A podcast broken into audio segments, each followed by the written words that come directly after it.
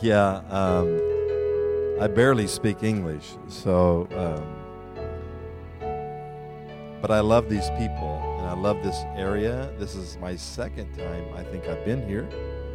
I know I'm here, especially because I've had three meals here, and I've had three meats already every meal. So that man feeds me more meat than anybody I've ever eaten in my life. Um, last time I was here, after a few days, I I asked for chicken uh, because we'd had meat so much, and he said that that was a vegetable and it didn't count. So um, I, I I love I love to eat here. I love meat anyway. So I honor this area. I love what God's doing through Perez and the ministry here. And I, I, I'll be honest with you, I love these people. I'm, y'all plug your ears up them. I love these people just about more than anybody I've met in South Africa. Their heart for the Lord and for the kingdom and for their people, for God's people, is some of the most amazing hearts I've ever seen. And we just connect. We just like totally connect. I had, they came and stayed at our home, and uh, me and Johan traveled a little bit of our country together, and uh, we had a good time. We both have a love for Elvis Presley uh, not a love for him, but we have admiration for him. So we went to his original house and uh, we had a little tour, and I just loved being with them. And uh, I had Johan sing for me Saturday night at the conference, and um, he must sing here. And uh, if I was here Sunday, I'd make him do it again. But uh, we, we had a great time, and I had a great time at the conference. And I'm glad to be in Free State again. I've been trying to get here for the last couple years, just schedules didn't allow it, because I believe this is a very critical area for the nation. And while we were in worship there just a minute ago, I said, Lord, what about this region? You know, what about the Free State area? And the Lord said, He just clearly dropped a word in my heart, and He said, The Free State is to release the spirit of courage across this nation. And I, and I just really felt like there's a, a power here for courage to be released. And the opposite of courage is fear. And I really believe tonight the Lord wants to break any spirit of fear that has been hindering anybody in this room and has been hindering anything in this area because if this area is bound with fear, then it can't release the spirit of courage. And I believe this nation is in the crossroads of. Uh, uh, last time I was here, I felt it could go either way. It could just fall to either side corruption, failure, or it could fall to the side of life and success. And I feel like even this election, I didn't feel like this election was going to decide that. Whatever happens today happens. I still believe there's a moment in time that this nation can shift. And I shared it with the conference uh, this weekend about our president, President Trump, whatever you think of him. Uh, you know, prior to the election the first time in 16, I, I did not want to vote for this man. I knew his past, I knew his history, and I thought, you know, there's no way. You know, he cannot be our president with those type of morals and that type of lifestyle. Uh, then the other woman who was running against him, her name was Hillary Clinton. And I told him last weekend, I said, so we had a choice, I felt, between the Antichrist or the beast. That was our choice. And I thought, you know, how do you vote for that? You know, you have two people that are probably, I, her more so, uh, more evil than he was. So I kind of thought, well, I'll just choose the lesser of the evils. You know, that's kind of what I thought. And uh, then the Lord dropped it on our heart. That Lord said, I will make him like King Cyrus of Isaiah 45 and he will not know me, but he will do my ways. And I thought, what? You know, how can that be? How can you take somebody who doesn't know you and do their ways? And so I went to Isaiah 45. And the, in Isaiah 45, it tells the story of, of uh, King Cyrus. And one of the beautiful parts of that chapter, he says that you will find hidden treasures in secret places. And I really felt that what that did, we had a treasure there that was hidden and we didn't know it uh, because in his heart he had an opening to follow the things of God, which we didn't know because he showed no sign of that. and uh, Matter of fact, uh, when he came out about pro life and against abortion, we, I mean, adamantly, he stood up for pro life and spoke publicly against abortion. And we thought, where did that come from? Where did that resolve come from? Because he's, he's not a man that would have that type of morality. And we talked to a prophet friend. Uh, well, we heard him tell us, that if you've ever heard of a guy named Rick Joyner, uh, written many books. And he had a conversation with President Trump. And President Trump had had a, a prophetic encounter with the Lord. Either was a dream or a vision, and the Lord showed him what he thought about abortion and how he hated it and how he loved life. And it birthed something in our president, and he came out strong. And he's speaking strongly and boldly across the nation. And, and we have 50 states, you know, and each state by state right now is passing laws and basically banning abortion across America. And a few under President Obama, abortion spread rapidly and grew under his leadership because he was extremely for abortion, for partial birth abortion, for all forms of death he was for, and it grew across our nation. And when this man come in, we saw immediate reversal, and now we're starting to get back our children. We're starting to get back our future because when you kill the children, you kill the future. And so I want to declare that over South Africa. Look, I don't know who's going to be elected tonight, and you may say he's evil and he can't do anything good, but I'm telling you, God can get hold of the most evil person and get in their heart and have an encounter within their hearts and shift them. So no matter what happens tonight, do not lose hope. Do not lose hope in this nation and what can happen. And for you guys living in a region where I think y'all are like the heartbeat of the nation. And what is happening here with land and farms and things like that. As we're watching from a part, another part of the world, we're seeing things and hearing things, and we're thinking this cannot happen. It's wrong. It's unjust. All these different things you're hearing, and I just say, Lord, in the midst of that, let that region be the heartbeat of the nation and speak life and speak hope for the entire country. It is not a time to run, it's a time to stand strong. And that's very difficult. Well, if you don't say amen, I will. Amen, Pastor Tim. I'll prophesy to myself if I have to. I, I and, and, you know, and the temptation is to run. The temptation is to shut down. The temptation is to say, "Oh well, we did our best. We're out of here." What happens when everybody does that is that we lose our core value of who we are. And I hope my English is clear tonight. And I want to say that you're a heart of courage here. And there needs to be a voice come out of that place and say, We are going to stand with what the Lord has told us to stand in. I know, uh, I just feel like this is an important moment. And, and while we were here the other night, I was in Durban and uh, I gave them a prophetic word for their region. And I gave, I felt like the Lord wanted to do something special. And I had a, I went into the angel uh, appeared to me. This angel called the Winds of Change showed up down there in Durban, and he showed me a spirit of a political spirit and a religious spirit were married in this nation, and that the church had taken on a political spirit and was not being the voice of the Lord. And they were them and the government you couldn't even tell the difference between them and the government.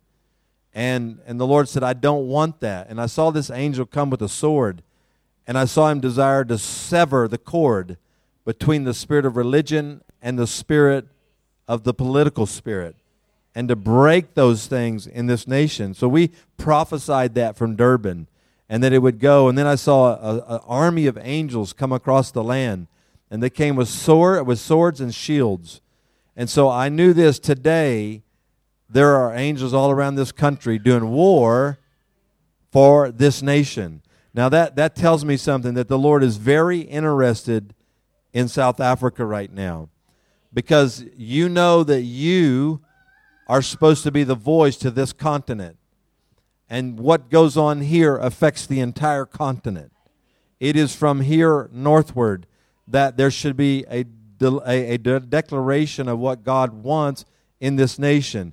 You are such a diverse people. And that sounds weird because you got all, I have, I have to have all y'all tell me all the time all these different people groups because I can't keep up with them. You know, you, you, and, I, and I'll just the white, the black, the color, the Xhosa, the Khoi. I mean, on and on it goes. I said, man, how, how many people are here? You know, and and everybody has their own identity and their own purpose. But here's the fact: it's the beauty of the Lord to see all peoples. You know, and when when we were down in Durban uh, you know, uh, if you've been following what we've been talking about, the Lord sent us to Durban because in 1951 there was a great move of God there with a guy, a, a prophet named William Branham. And they had open meetings at the Greyville racetrack down there. Uh, over 80,000 or 100,000 people showed up at these meetings.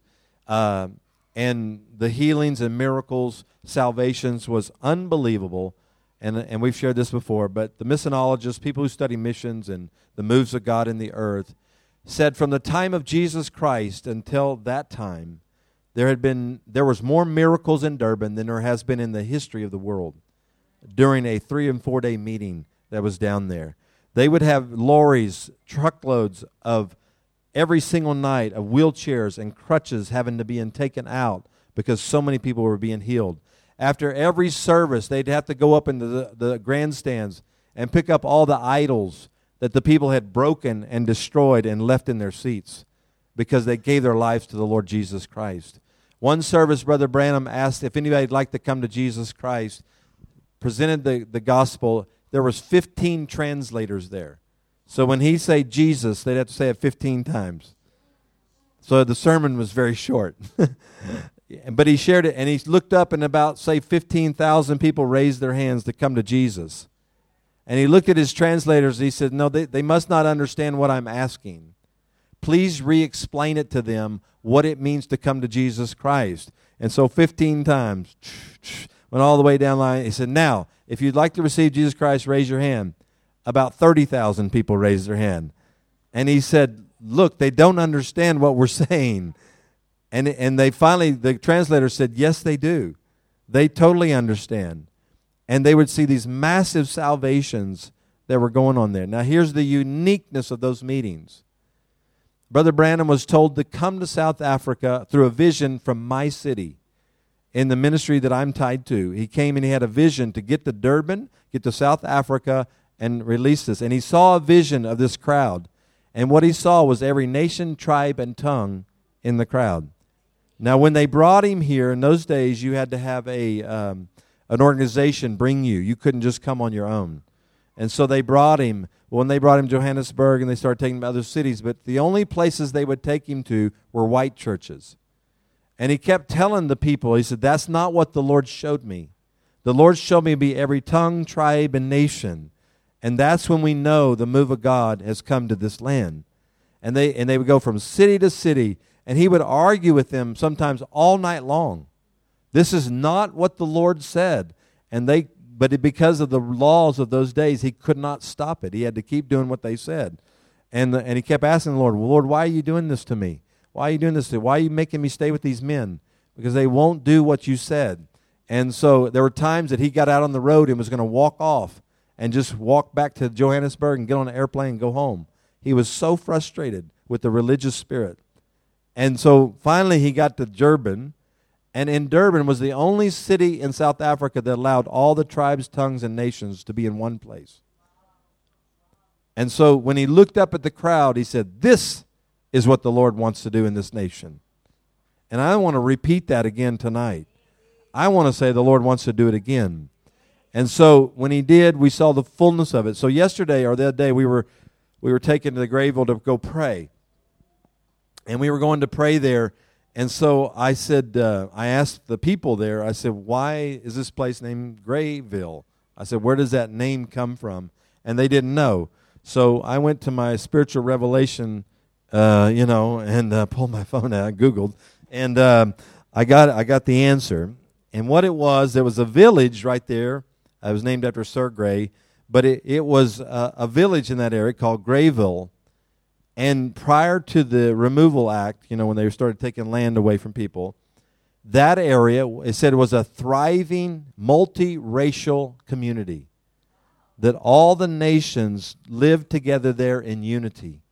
and walked as one, as a people. And this was a secular article. This was not a spiritual article. And that was what was known for. And I said, Lord, we are standing on ground where this nation was once walking in what heaven looks like, right here as a people. And so we redeclared it into the, the nation that God, you do it once again. Now, it's going to take courage to believe for that. And I'm looking at a bunch of people here, Afrikaans, all the different people groups that are in this room, and I say, You are living in a place that you're responsible for that.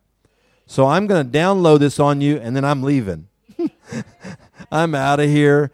And then if you don't do it, then God will judge you, and I'm free. I'm gone, all right? I won't be judged because I'm telling you what He told me to tell you, okay? I'm just messing with you. But the fact is, you do have a responsibility. When you receive a word from the Lord, whether it's personal or corporate, you have a personal responsibility, you have a corporate responsibility to say, Yes, Lord. And I want to agree with that. And I want to agree with what you're saying. And I want to speak that over your life. And that's very important that you walk in that. And so I just want to spend a few minutes and I want to pray for you here in a few minutes. But I want to speak a wor- few words about fear and overcoming this fear because I felt like this is going to be a, a, a battleground that you're in. You know, your fear, uh, you know, if, if you knew who was asking you to do what you're asked to do, then you would have no doubt in doing what you're asked to be done. You know, if, if I knew for sure that God just said what I just said, if you knew it for sure, okay, I'm trusting that He's a prophet, I'm trusting He's hearing from the Lord, but if you knew that God said, I want this place to be a place of courage, then you would probably do it. The one of the reasons you don't do it is you begin to doubt was that really a word of the Lord? Or you don't understand the one who just said it to you. See, heaven's logic is this. You know, when God says, just like then, that God wants to use the free state to bring courage to the nation, you're thinking, that's stupid. Who are we to change a nation? Who are we to bring courage into a nation? We're just farmers. We're just normal people. We're just this and that. We're we're nobody. See, it's illogical for God to say that. But in heaven, here's how it looks God looks at the people of Free State, and He looks at the Holy Spirit in them. He knew He birthed in them the power to have courage. He put in them the Holy Spirit, and to Him, it's logical. It's very logical. I want them to have courage. They have it. And He's done with it. He's ready to do it. It's very simple to God for that to happen. It's very difficult for you because you don't recognize who gave you the word. And I want you to honor that tonight. I want you to honor the, the, what the Lord wants to put that in you. I want to read one scripture here.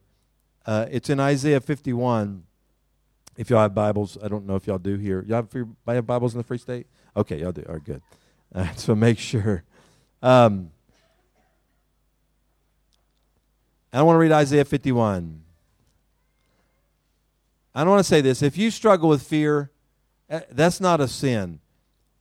What's a sin about fear is, is partnering with it and agreeing with it. Because when you agree with fear, it births unbelief. And this part of the country does not need to partner with fear. Uh, when God gives you a promise, it's already done in the spirit realm. Our obedience just brings about the reality of what he has said he's going to do. So when God says what he said over your life and over your purpose, it's done. And God is wanting this place and this house and each one of you to be a part of that. And in Isaiah 51, verse 12, he says this He said, I, even I, am he who comforts you. Who are you that you are afraid of man who dies, and of the Son of Man who is made like grass, that you have forgotten the Lord your Maker, who stretched out the heavens and laid the foundations of the earth, that you fear continually all day long because of the fury of the oppressor, as he makes ready to destroy. But where is the fury of the oppressor? So God is at a place where he he's like, what are you scared of? Who are you to be scared? And that's what he says. Who are you afraid that you're afraid of man who dies. And you have forgotten that the Lord your God, your Maker, has stretched out the heavens and laid the foundations of the earth. Who made South Africa? Man did not make this nation. No people group made this nation. Oh, no indigenous people. We discovered it. Look, you may have been one of the first ones here. Big deal. God created it. Psalms 24 says, The earth is the Lord's and the fullness thereof, right? And all those that dwell therein. So I want to make a declaration tonight that South Africa is the Lord's. Well, well, men are ruling it. They may be, but it's still the Lord's. And if it's still the Lord's, he's still king, and he can deal with the hearts of the men who think they rule this nation. Psalms 2 says God laughs at kings who think they rule. he laughs at them. And they say, We're in charge. And God's, uh, No, no, no, no. I'm in charge. And with one, you're gone. That's the lack of a fear of God when they think they can rule a people. When they think they can rule in corruption. When they think they can do those things. You know, when I was, I've shared this story up at Arrow Gate, but I may have shared it here. But when I was in Ukraine and we were dealing with corruption in that nation a few years ago before they had their war, uh, the angel appeared to me there and, and spoke to me about the Lord's displeasure with the corruption of that nation and how their president at that time, they had the weirdest laws. He was a mafia guy prior to becoming president. And in Ukraine, if you committed a crime, went to jail, even after, after 10 years, you could run for office. And he had been convicted of murder, and he was their president, and he was in the Russian mafia. So you can imagine the corruption that was in that nation, what we call systematic corruption. You think you have it, you haven't seen anything. College students told us that if they wanted, they took a course in college, they had to pay their professor to read their papers so they could get a grade. If you wanted anything, you had to pay for it. And that's how bad it was. And so the Lord took us there and said, I want you to be uh, used to uproot this root or this seat of corruption. Now, there was no sign that this guy was ever going to be removed from office. None. He had entrenched himself, and the corruption was growing across the land. And the Lord gave us a word to prophesy that he would be removed from office. And we went in there. I, I, this is how the meeting went. I went to this meeting where the Lord gave this word, and it was a small room, was a, a bigger room than this, but it was narrower, but it's further back. And uh, the the pastor there told me, he said there'd be about 15 people there. So I came to the meeting ex- expecting to see about this many people right here. This is what I expected. So I thought, okay, this will be a simple meeting. I'll have a little word from the Lord for this little group, and I'll just prophesy over everybody, and we'll go home and we'll say Jesus was good that night. That's what I thought, okay? And all of a sudden, the building starts filling up. I mean, filling up. And they kept coming, and they kept coming. And I looked at the pastor and I said, What's going on? He goes, I don't know. I don't know who these people are. I don't know where they're coming from. And so I started walking around trying to find some English speakers. And I met this one lady, and I walked up to her. I said, Why are you here tonight? She said, The Lord gave me a dream and said the prophet would be here for a word for our nation. And I'm looking for the prophet. I was like, Where is he? Because I didn't have a word. I, I was doing 15 people, prophesy, say Jesus is good, and go home. And I didn't realize that. So I started walking around the room. Had a little boy. He's about he's bigger than this, about her size, right there. Hi. And so she and, and he said he'd had a dream about what was going to happen tonight. He told his parents, so his parents brought him to the meeting because he had a dream. And next thing you know, all of them were saying to one another, the Lord told them to get to that meeting because it was an important meeting. Then I got nervous because I'm thinking this is an important meeting, and the one person who doesn't know it is me. And I said, I, and I'm the speaker. And I'm thinking, I better get a word from the Lord. I was standing right here First row, worship's going on. They're singing in Russian. Thank goodness. And I'm walking, and this angel touches me on the shoulder. And he looked at me and he said, Don't worry, I'm here to help. And I said, Thank you, Jesus. At first, I thought he came to kill me because I didn't have the word of the Lord. I'm not lying. I thought I was in disobedience and he was there to punish me for my disobedience. That's what I thought. And I said, okay. And he gives me a word, shows me a vision of the nation, shows me the president being removed from office, shows me war coming to the nation, shows me the Jews going back to Israel, shows me Russia taking part of the country. I see all this stuff. Now, Ukrainians are not, um, you know, y'all always say amen every once in a while. They just stare at you. They don't smile. They don't say amen. I didn't even know if they had teeth because they never they never open their mouth. They just stare. And so that's how they are. And I'm thinking, Lord, these people. I said, you know, what if I tell them this stuff? You know, they're going to lose their mind. They're going to run me out that door and I'm never going to come back. And that angel said to me, You tell them just what I said. I said, Yes, sir. and I'll say it. And I told him exactly what I said to you. And then I said, That's what I saw. And the place erupted. The ladies fell on the floor in travail and they started crying out for their nation. They loved their nation. They just needed to hear what God was going to do. And when they heard it, they had hope for their future. Because the Lord told me the president be removed from office and a righteous man would be put in his place.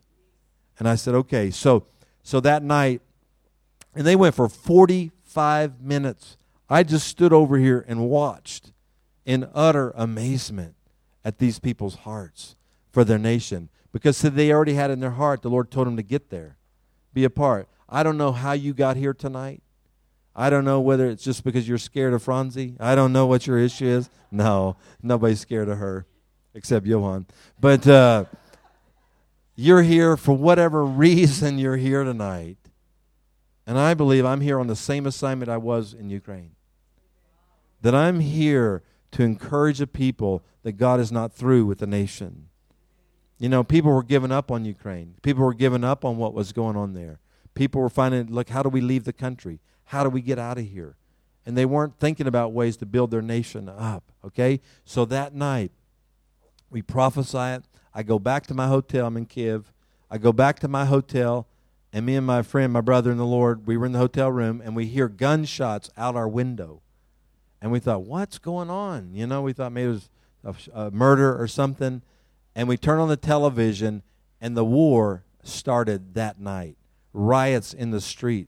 And I'm thinking, Lord, you could have waited, you know, at least till I left, you know, get on the plane, you know, my phone's blowing up, my family, because they're watching on news back in America, get to the airport, you know, get out of there, you know, and I'm like, I don't think it's a good time to be in the streets. I think it's a good time to be in my hotel room. That's what I think. And so we literally got stuck there for several days because you couldn't drive in or out they were killing cab taxi drivers and, and everything. So we actually had to hire a guy to sneak us out of the city. And we got out of the city. And, and right after the, they overthrew the government, and the president was replaced by a Baptist minister. The Lord said to me that that was a double miracle. One, we found a righteous man that was a Baptist, all right? And number two, and I'm just joking. I used to be Baptist, all right? I used to be Baptist. And, and he put him in his place. And it was temporary, it wasn't full time, because they just had to put somebody in his place. And the war broke out. And while I'm, when I go back months later, Jews are coming to me. What do I supposed to do? I said, You're supposed to go to Israel. And right now, the number one people group that's moving to Israel are the Ukrainians. Because the Lord wants to get them out of that region and out of that area back home. And so the Lord was using what was meant for evil to do something good. God had a purpose in it all for his purpose. And that nation then began to thrive in the spirit realm. They have one of the greatest youth movements for revival I've ever seen.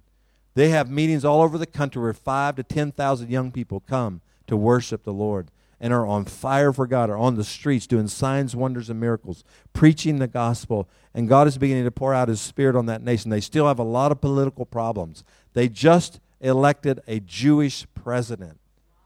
That's the first time any Jew has ever been elected president other than Israel. Ever. And so God has put somebody in there to take care of the Jewish people because Ukraine has probably more Jewish people than any other country other than Israel and America, probably, in the world. And so we see this picture of what God can do in one instant. All he needs is a people with a voice. He's got to have somebody who stands out on their farm and says, This belongs to the Lord. With nobody listening, with no big crowd, no microphone, and just saying, This is the Lord, and you will protect it, Lord.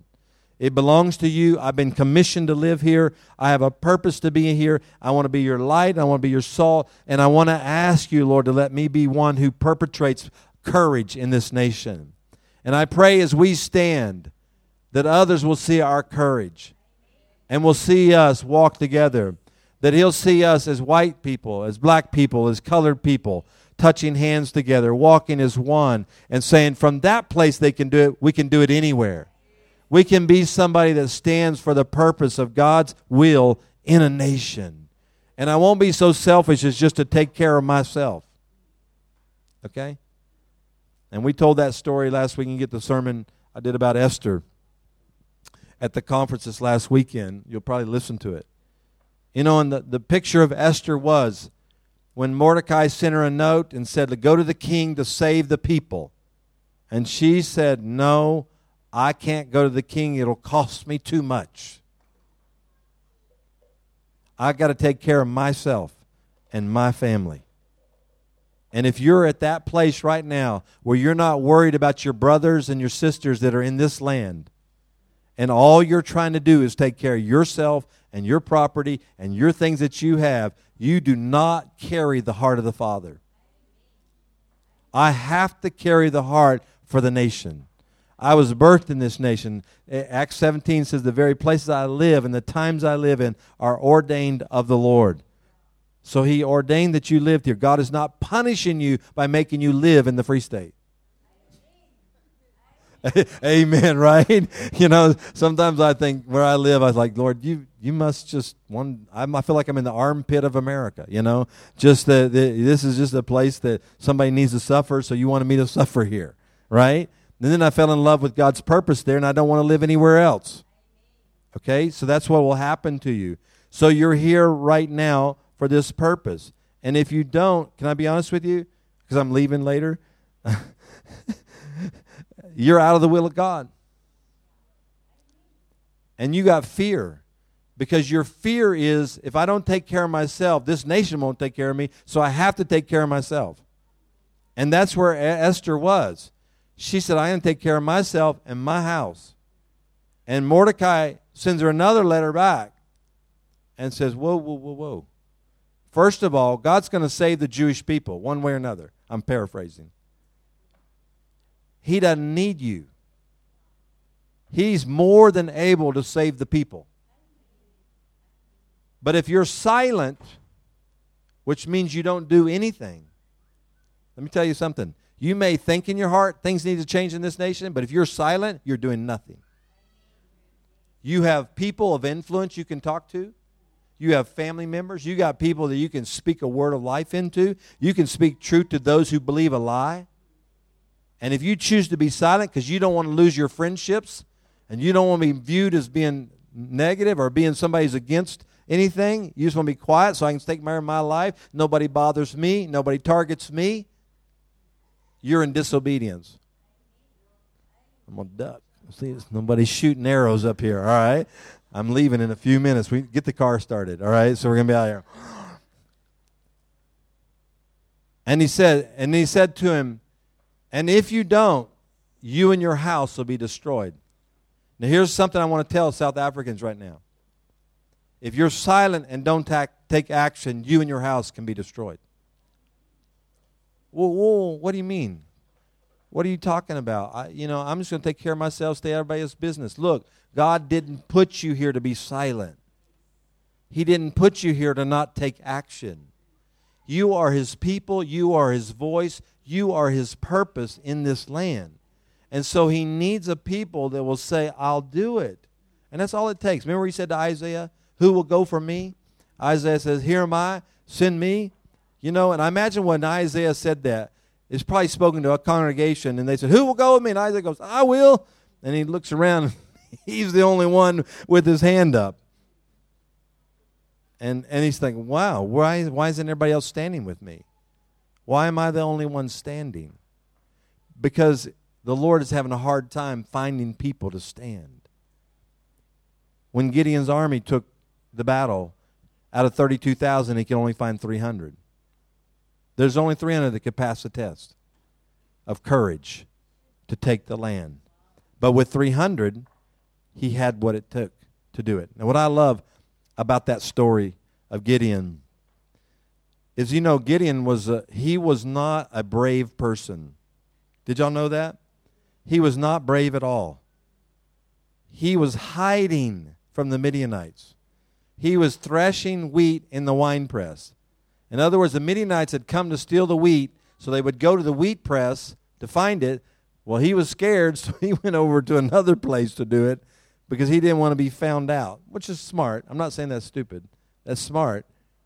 But then the angel comes to him in that room. You know the story. And the angel looks at him and says, Oh, valiant warrior. and I imagine he, like I in Ukraine, looked around and goes, Who are you talking about? Valiant? Dude, I'm hiding. I am not valiant. I'm no warrior. I'm you know, you know what he was? He was somebody who worked with wheat. He worked with bread. He was a baker. And God says he's a warrior. He's thinking, how can I take a loaf of bread and take a head off? That's what he's thinking, right? A loaf of bread and kill somebody, please. I feed people. That's what I do. And the Lord, the angel, was not happy with him. Because, see, he let fear overrule what God said about him because he didn't recognize and know and understand who just said, You're a valiant warrior. If he had known in his heart of hearts that it was God that said he was a valiant warrior, he would have said, I'm a valiant warrior.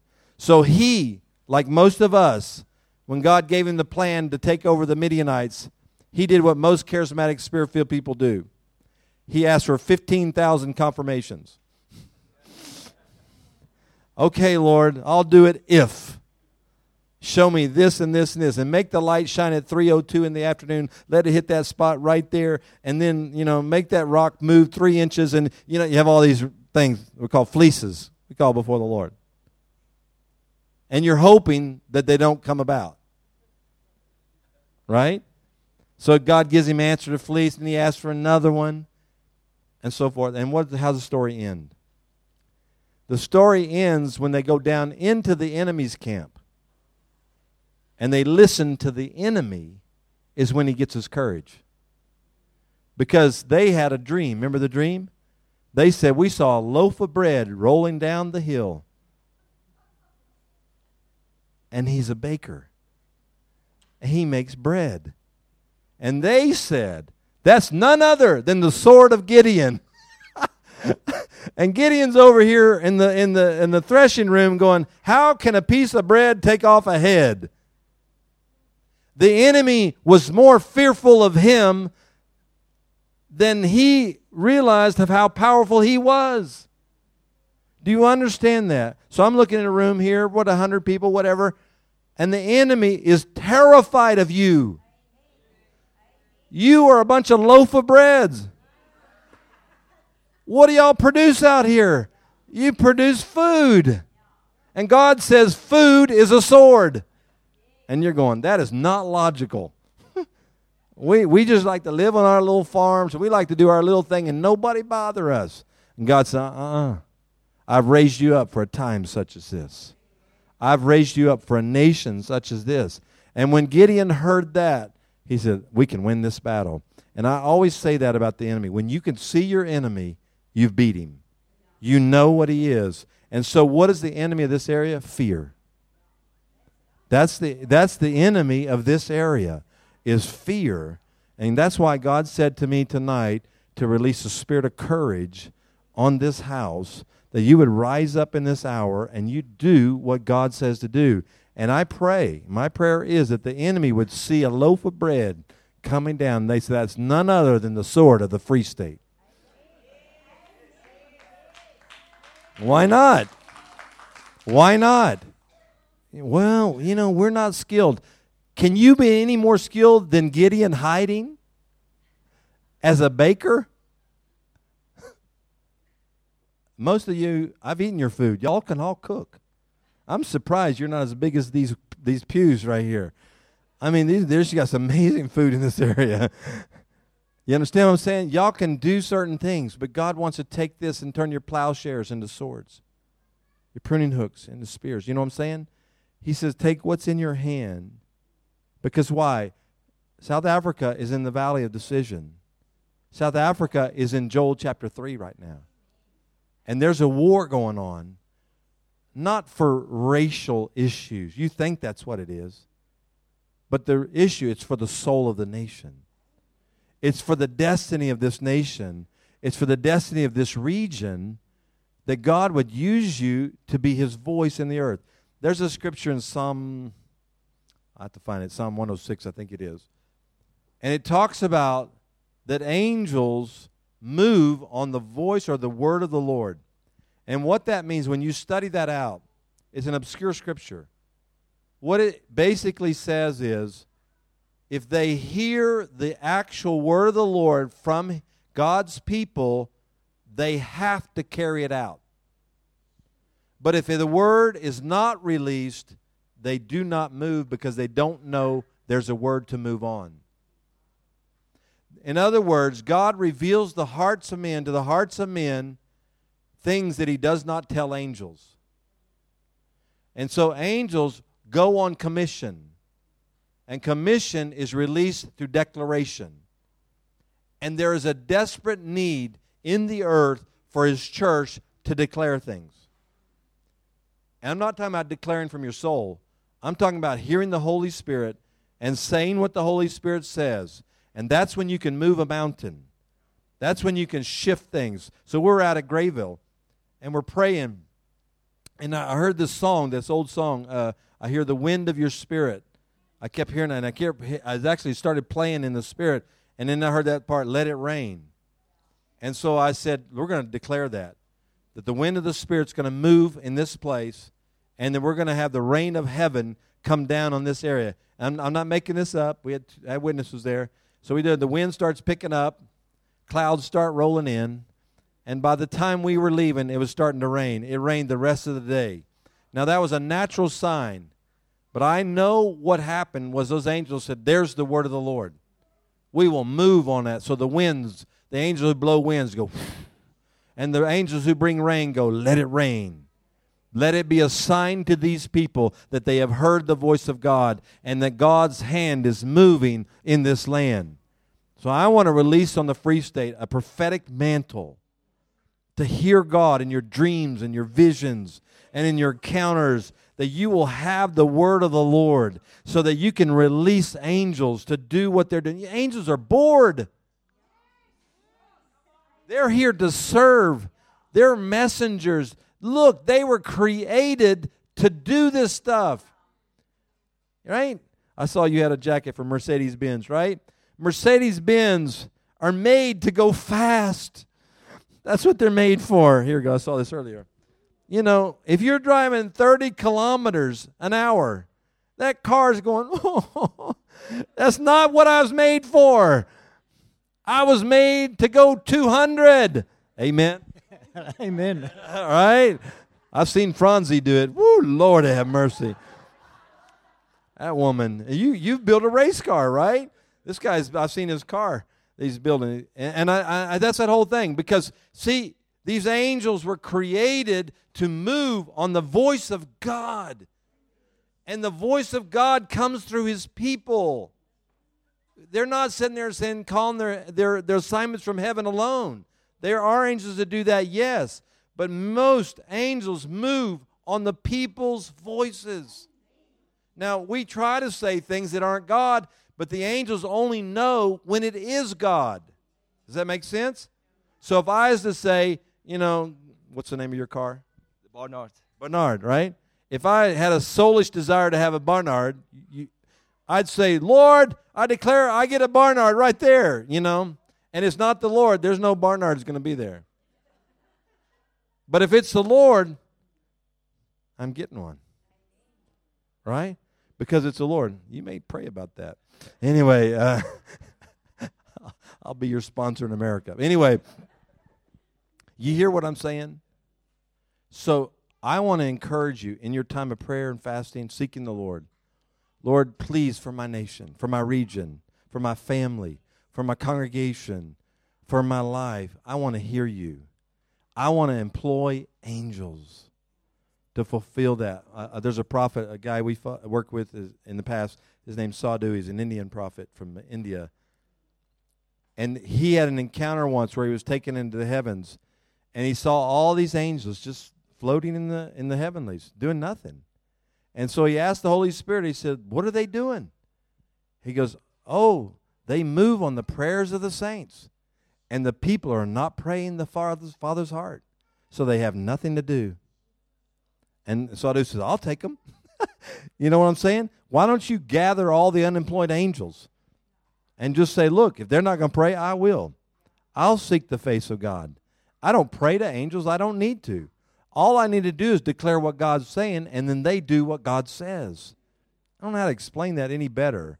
It's a mechanical thing. When you turn your motor, everything in the motor says move.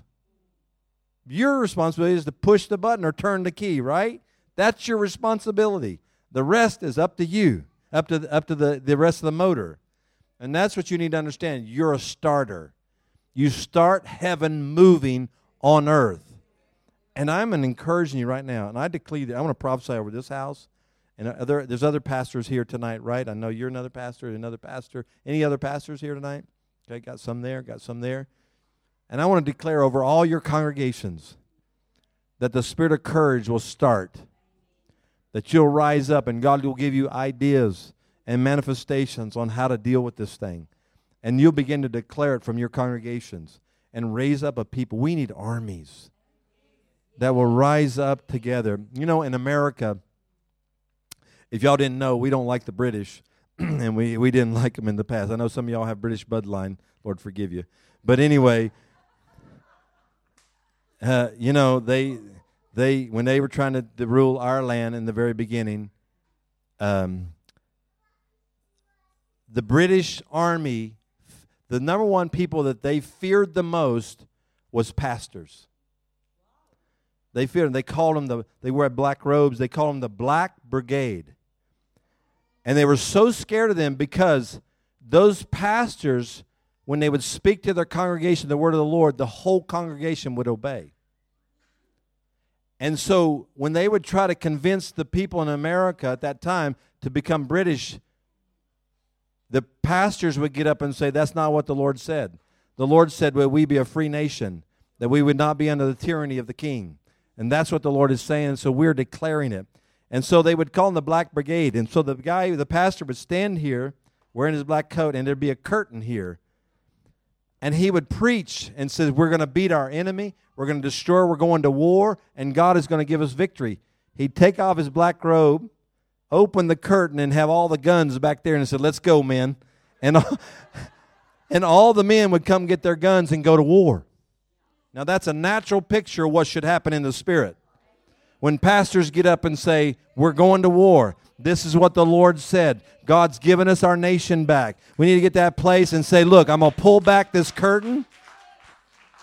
And we're going to have the weapons of our warfare because they're not carnal, but they are mighty to the pulling down of strongholds. Because our war is not against flesh and blood. Our war is not against these political parties. God, y'all got some political parties. I mean, she said there was 49 of them. I said, Jesus, 49? I mean, you talk about a spirit of division a spirit of confusion that manifests in the natural. Everybody thinks they have the answer. I don't even know your nation, but that can tell me that right there. And there's no power of unity here. And it's probably because, I know it is because, because these pulpits don't have it either.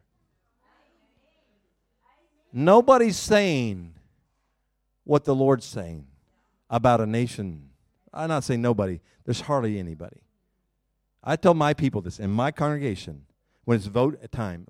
I said, Jesus Christ could come and manifest in the presence. The glory would fill the room. And he would tell you, go vote for candidate A.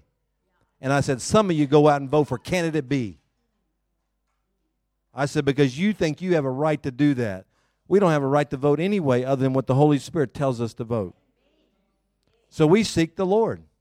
We seek the Lord. I, I, you know what I hate to see is a family where a husband votes one way and a wife votes the other. That's a, that's a picture of division. And I guarantee that happened all over South Africa today. And so that gets put in a judgment category for a nation because God watches that. And so they're divided there, I'll divide them in the natural. And so we need houses. This house needs to be together. Your house needs to be together. Those houses need to be together where we're all hearing God. And so here's what I did. My house, the Lord told me Trump was going to win. We had dreams that he was going to win. I didn't want him to win. I didn't even want him to be in the race. But God said that's what's going to happen. So I was like, okay. So we got up and we took the guts to prophesy it.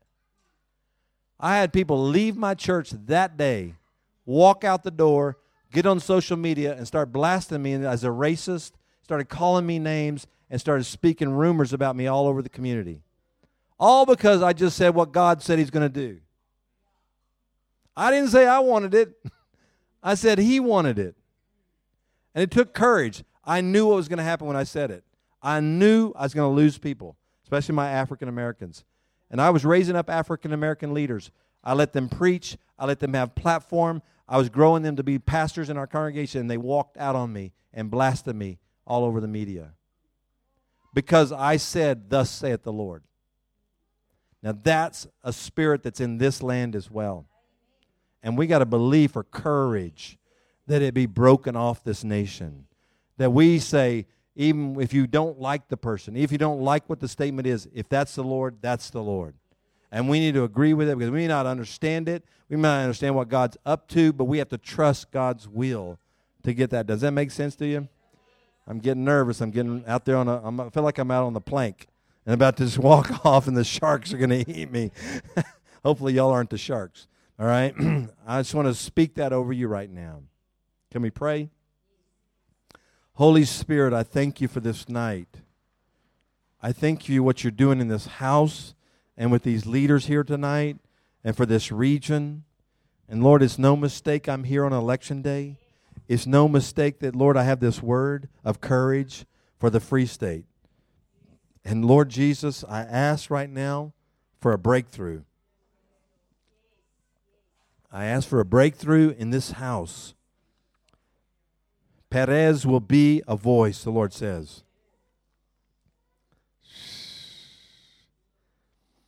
The Lord says, You have legislated in the heavenlies before, but the Lord said, Now we go to a higher legislative court. For the Lord said, There's a time and a place that you have reached in the Spirit that the Lord requires of you. For he has given you much, and now he's going to require much. But out of the much shall grow, grow great reward.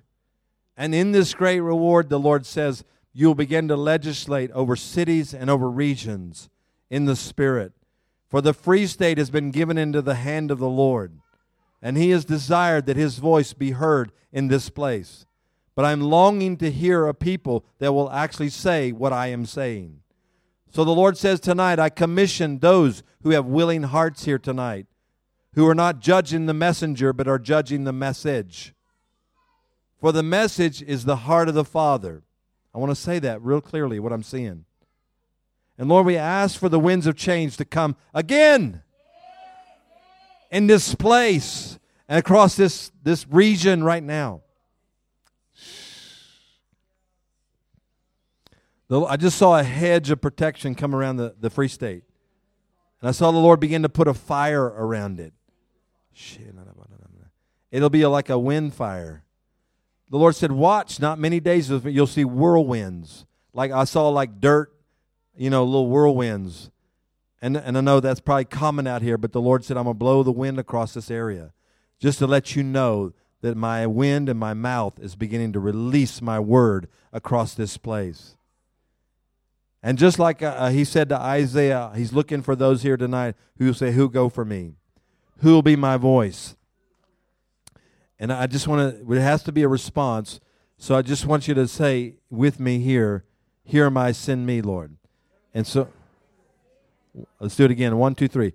Here am I, send me, Lord. Okay. One more time. Here am I, send me, Lord. Okay. Now, when I said that, it was recorded. There are angels with scrolls who are recording the hearts. Look, if it wasn't your desire to say that, don't worry about it. But if it was your desire, the Lord took note. Now, I ask for the release of a greater realm of the prophetic. And you say, Well, I don't dream, I don't have visions, I don't even know if I believe in all that. Well, then let God give you scriptures. Let Him give you parables. Let Him speak to you with a still small voice. Whatever it is, don't limit how God can speak. He can give you natural things and speak spiritual things to you about them. He can just have this little knowing. I know I need to do this. I know I need to do that. It can be so simple. He's as much as in the shaking as he is in the still small voice. God's voice is God's voice, no matter how it comes to you. I feel like there's certain ones in this room that you feel inadequate to hear God. And I break that off of you tonight. I say that you are adequate because you're a child of God. And you're born of his image and his likeness, and you have ears to hear, and you have a spirit to receive it. Now, when you receive it, I want to release this on you all tonight. You have then a responsibility. Ask God for the context in which you would release it, the platform, wherever it's supposed to be, whether it's supposed to be public or private, it doesn't matter. Do what He says to do. There has to be a place that it's done, but it has to be declared. Some will be a some of you will be a voice in the wilderness. I saw some of you just out in the wilderness, like in the bush, and just going out there and speaking life in the bush and just speaking shift in the bush. And there'd be a major shift in those areas. Some of you are going to do that. Some of you are going to be with a microphone. Some of you are going to be with your family. Some of you are going to be with your friends, your people in your community, whatever. Just you don't be arrogant about it. You just say what the Lord's saying. You know, that's what it takes to be a prophet. Say what you're seeing. Say what you're hearing. That's what it takes. I think everybody can be qualified for that. You, you, we've done it with gossip. We can do it with the word of the Lord, right? See, you prove by gossiping that you can hear something and say it. So why not hear God, right? There's something the Lord told me He wants to break off. Some of you lose sleep meditating on your problems. Literally, you think all night long and you meditate on your problems almost all night long. And I feel like that's a problem in the nation. I feel like there's a spirit of insomnia on this nation because everybody is grieving over the land. And so people worry about the land, worry about what's going to happen to them tomorrow. And they're losing physical rest because of that fear and because they can't come up with solutions. And I feel like the Lord wants to break that tonight and that you start having sweet sleep, that you sleep with the assurance that God can do it. Now, let me tell you this if you can stay up all night meditating on fear, that means you have the gift of meditation. Did you hear that? So we've solved one problem. You can meditate. So now let's shift what we're thinking about. Let's start meditating on the things of the Lord. Day and night I will dwell on your word, David said. And so start thinking of meditating on solutions that Jesus, you're going to show up. Jesus, you're going to shift this region. Lord, you're going to start saving the farmers, those that are not going to be murdered. They're not going to have their lands taken away from them. Lord, and, and, if you're from those people groups that's doing that work, then my people are not going to be murderers. They're not going to be the ones that take land. They're not, you start, whoever, whatever your authority realm is, you start speaking to those things and then asking God to move those things in the spirit, that God would do that. Father, I pray that right now, that that would happen. And I break this fear during the night hour that's brought is there can somebody be honest if you've been struggling with that you've having a hard time sleeping just because you're struggling with fear. And just okay keep your hands up because i want to pray for you i just want to release that. Break that thing off of. You don't need that. You don't need it because this confession is a breaking. And, and saying father i speak to everybody that struggles in the night hour. You're a type and a shadow what's going on in the land. And I speak to everybody that cannot, because here's what the Lord said. You're trying to solve your problems with carnal minds. and because you can't come up with a solution, you have to keep rethinking. So you're in a cycle. I kept seeing cycles in the brain. And you kept going through cycles and you think of another solution. No, that's not it. Another solution. No, that's not it. But if this happens, then this is this is going to happen. And so you make a, a, a little thing a mountain. And so therefore it steals your sleep. And I saw your brains becoming way active to a point that now sleep evades you. And I break that in Jesus' name. I say that is not your responsibility, that you will meditate on the things of the Lord you will count angels and you'll fall asleep. I just declare that. The Father, that I just speak that over them. Lord, in Jesus' name, and I speak sweet sleep. Lord, to those that they'll lay down their head on the pillow knowing that you are fully capable of taking care of this country, this world, their lives, their, their finances, their children, everything that they're going through, the very things that's binding them up, that you're more than able to take care of it. So they're going to rest in you and cast all their cares upon you. I break that in Jesus' name. And I release healing to those minds right now. And even in the night hour now, instead of giving them fear and torment, give them joy and give them dreams and give them solutions from the Lord. I just declare that right now. Okay, one more thing and then we'll let you sit down. Father, I pray right now. I kept hearing the word transformation mm. through translation. Translation means you're going to move from one place to the next supernaturally. And I'm not here to say you're going to do it naturally. In other words, you're not going to, you're going to end up in Joburg instead of here, although that would be nice. I'm just saying that you're going to be translating the Spirit from one place to the next. In other words, when you feel like you're stuck somewhere, this is going to be a new place that God's going to put you in to see and hear clearly. Father, I pray right now for everybody in this room that there be a major shift in that area. Transformation come to this area. Mm-hmm. That's weird. Now, to me, I don't see industry coming to this area, but I saw it coming. Okay? And it's at the gate waiting to see if it can come in. So there's some gates that are blocking uh, industry into this region. And then I saw Psalm 24 Lift up your heads, O you gates, that the King of glory can come in. So let's do this. Let's invite industry, godly industry, the ones he wants here, to come to this region. I pray that, Father, Lord, I want you to understand this. Well, there's too much corruption here. Let me tell you what, God can step over corruption and bring what He wants to bring. And corruption will look there and go, What happened? How'd you get past us? And the Lord says, Because I move from mountaintop to mountaintop.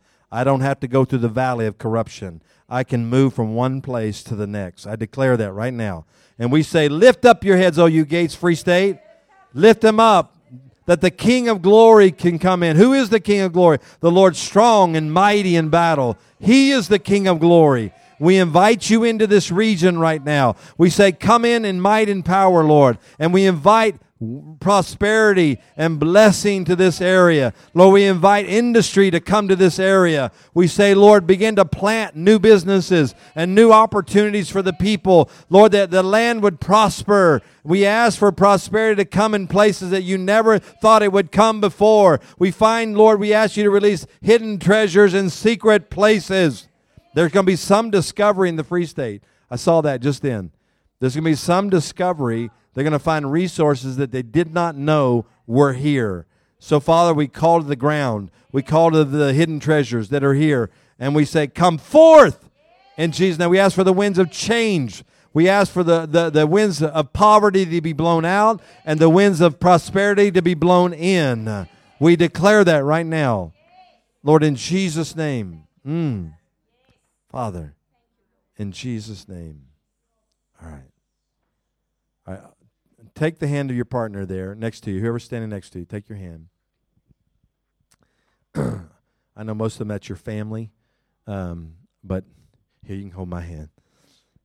Um, it's very important that you feel somebody because that person right next to you, doesn't matter who they are or where they're from, is a creation of God. And almost everybody in here is born again. They know the Lord. This is somebody I need to walk with. This is somebody I need to partner with because they love the Lord and I love them and they love me because we are all people of God.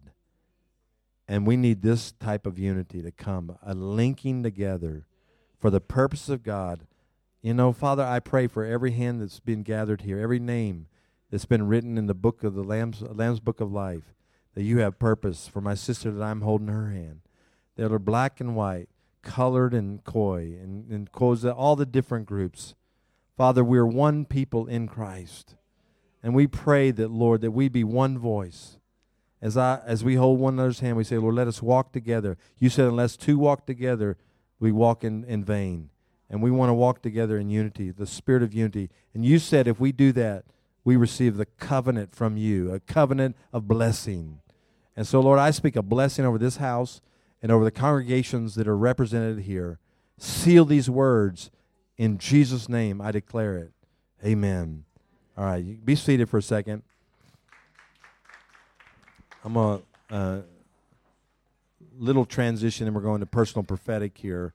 I just want to give one testimony about that secret treasures because I saw, I mean, treasures in secret places. Where I live, we were in an economic downturn. I mean, we were just really struggling because we were a oil and gas industry, and, and it had died, and it wasn't doing well. And I got asked to pray at our parliament, our state parliament, we call it, our is a capitol, we call it, but y'all call yours parliaments or providential centers or whatever you call them. And these are where all our senators are and everything. And they asked me as a pastor, would you open up the session in prayer? And they said, uh, um, we want you to open on this certain day, and you have two minutes. I said, okay. So thank you. I, I, I agreed to do it. And so I was getting ready a couple weeks before, and the Lord says to me, I don't want you to pray, I want you to prophesy. And I said, Come on, Lord. These are these are politicians. You know, they're not going to let me prophesy, you know. Um, and the Lord wouldn't leave me alone. He said, I want you to prophesy. And I said, I don't know how to do that, Lord, I, in that setting. And then he gave me that scripture in Isaiah 45 the, about finding hidden treasures in secret places. He said, I want you to prophesy that will happen. And I was like, oh, come on, Lord. You know, I love you. I just think you missed it on this one. Y'all ever do that before? Anybody ever do that one? And so I called some prophetic friends of mine. I told them what the Lord said. I said, How do I do it? And they said, Man, write a prophecy in the form of prayer. There's a way to do it. I said, Okay. So I actually wrote it out and I timed it two minutes because that's all they gave me. And there's a guy there when you get up to on the podium, he's got a watch and a gavel. in two minutes, he hits that gavel and you got to be done. So I had to time the word. So I got up there and, and I said, Senators, thank you. We welcome me today. Thank you for welcoming me today. Let us pray. And they all bowed their head. Oh, Jesus. and so I started doing it. I said, We thank you, Lord. And then I said, and the Lord, the word of the Lord says, you know, and I started and I started going after it. And I watched these senators go. And they all looked up there like, what the heck is going on up there? And I started declaring it. I said, you will find hidden, the Lord said, we will find hidden treasures in secret places. And I started speaking to the senators, and I said, and God will use you. And I started speaking life to these guys. And I'm telling you, every head was lifted and no heads were bowed. And they were all staring at this crazy white guy up there and doing this thing, right? Two minutes. That guy, the gavel, I think he was about to hit it way early. He was like, we got to stop this nonsense. But I, I did it, and I said, Amen. And I, I was like, I ran off the stage, you know. And there was a guy off to the side. He he works in the state budget, uh, the budget department, and he grabbed me, and he says, "How'd you know that?" I go, "What do you mean? How'd you know that about secret stuff?" I go, "What do you mean?" He goes, "We just had a meeting, and we just found." I think what he said, like over a billion dollars that was hidden, and nobody knew it was there. And I said, "Well, I didn't know God does, right?" So that was one thing that I got a confirmation immediately. Two months later, in the region that I live, they were drilling for gas, natural gas, and they hit a what they call a shale, a gas shale is what they call it, the fourth largest in the world. And we went from being economically depressed to a bunch of farmers being millionaires, which was scary.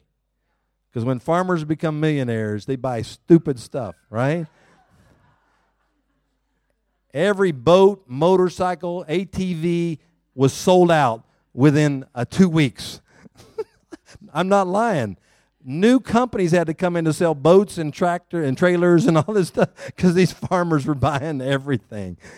They had so much money they didn't know. One man in my knee, right down from where I live, made over seven hundred and fifty million dollars, and prior to that, he just had a little farm. Hidden treasures in secret places. And if God wants to find something, He can find something. I'm not saying to make you wealthy. Just remember the prophet gave the word, okay? Just remember that, right? I'm just teasing. All right, so I want to release that over you. So I want to move into personal prophetic. Do you want to do anything in between? You want to say something? Before, before you do that, Tim, the, uh, any visions, any uh, one with a word, anyone that saw something in the meeting, just come to the front quickly. Issy, Pete, Anton.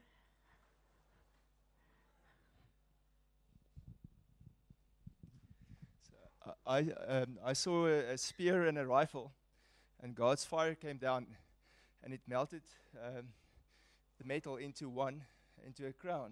It was forged into a crown with with uh, stones, um, uh, amber stones, uh, fitted into the crown, set, set it into the crown. But the crown landed on, on the ground, and I just believe that this is the crown that through our prayers needs to be picked up and place on a natural leader that, that will unite our nation. Yeah, I mean, to me, a crown is authority, obviously, but it's in the soil. The soil is man. We came from the soil, so He saw it in the ground. So God, God's basically saying, from the ground, I'm going to raise up somebody that I want to put authority on to have a voice in this area. So Lord, we call that person forth, whoever they are. Lord, raise them up for a time such as this. We declare that. Yeah.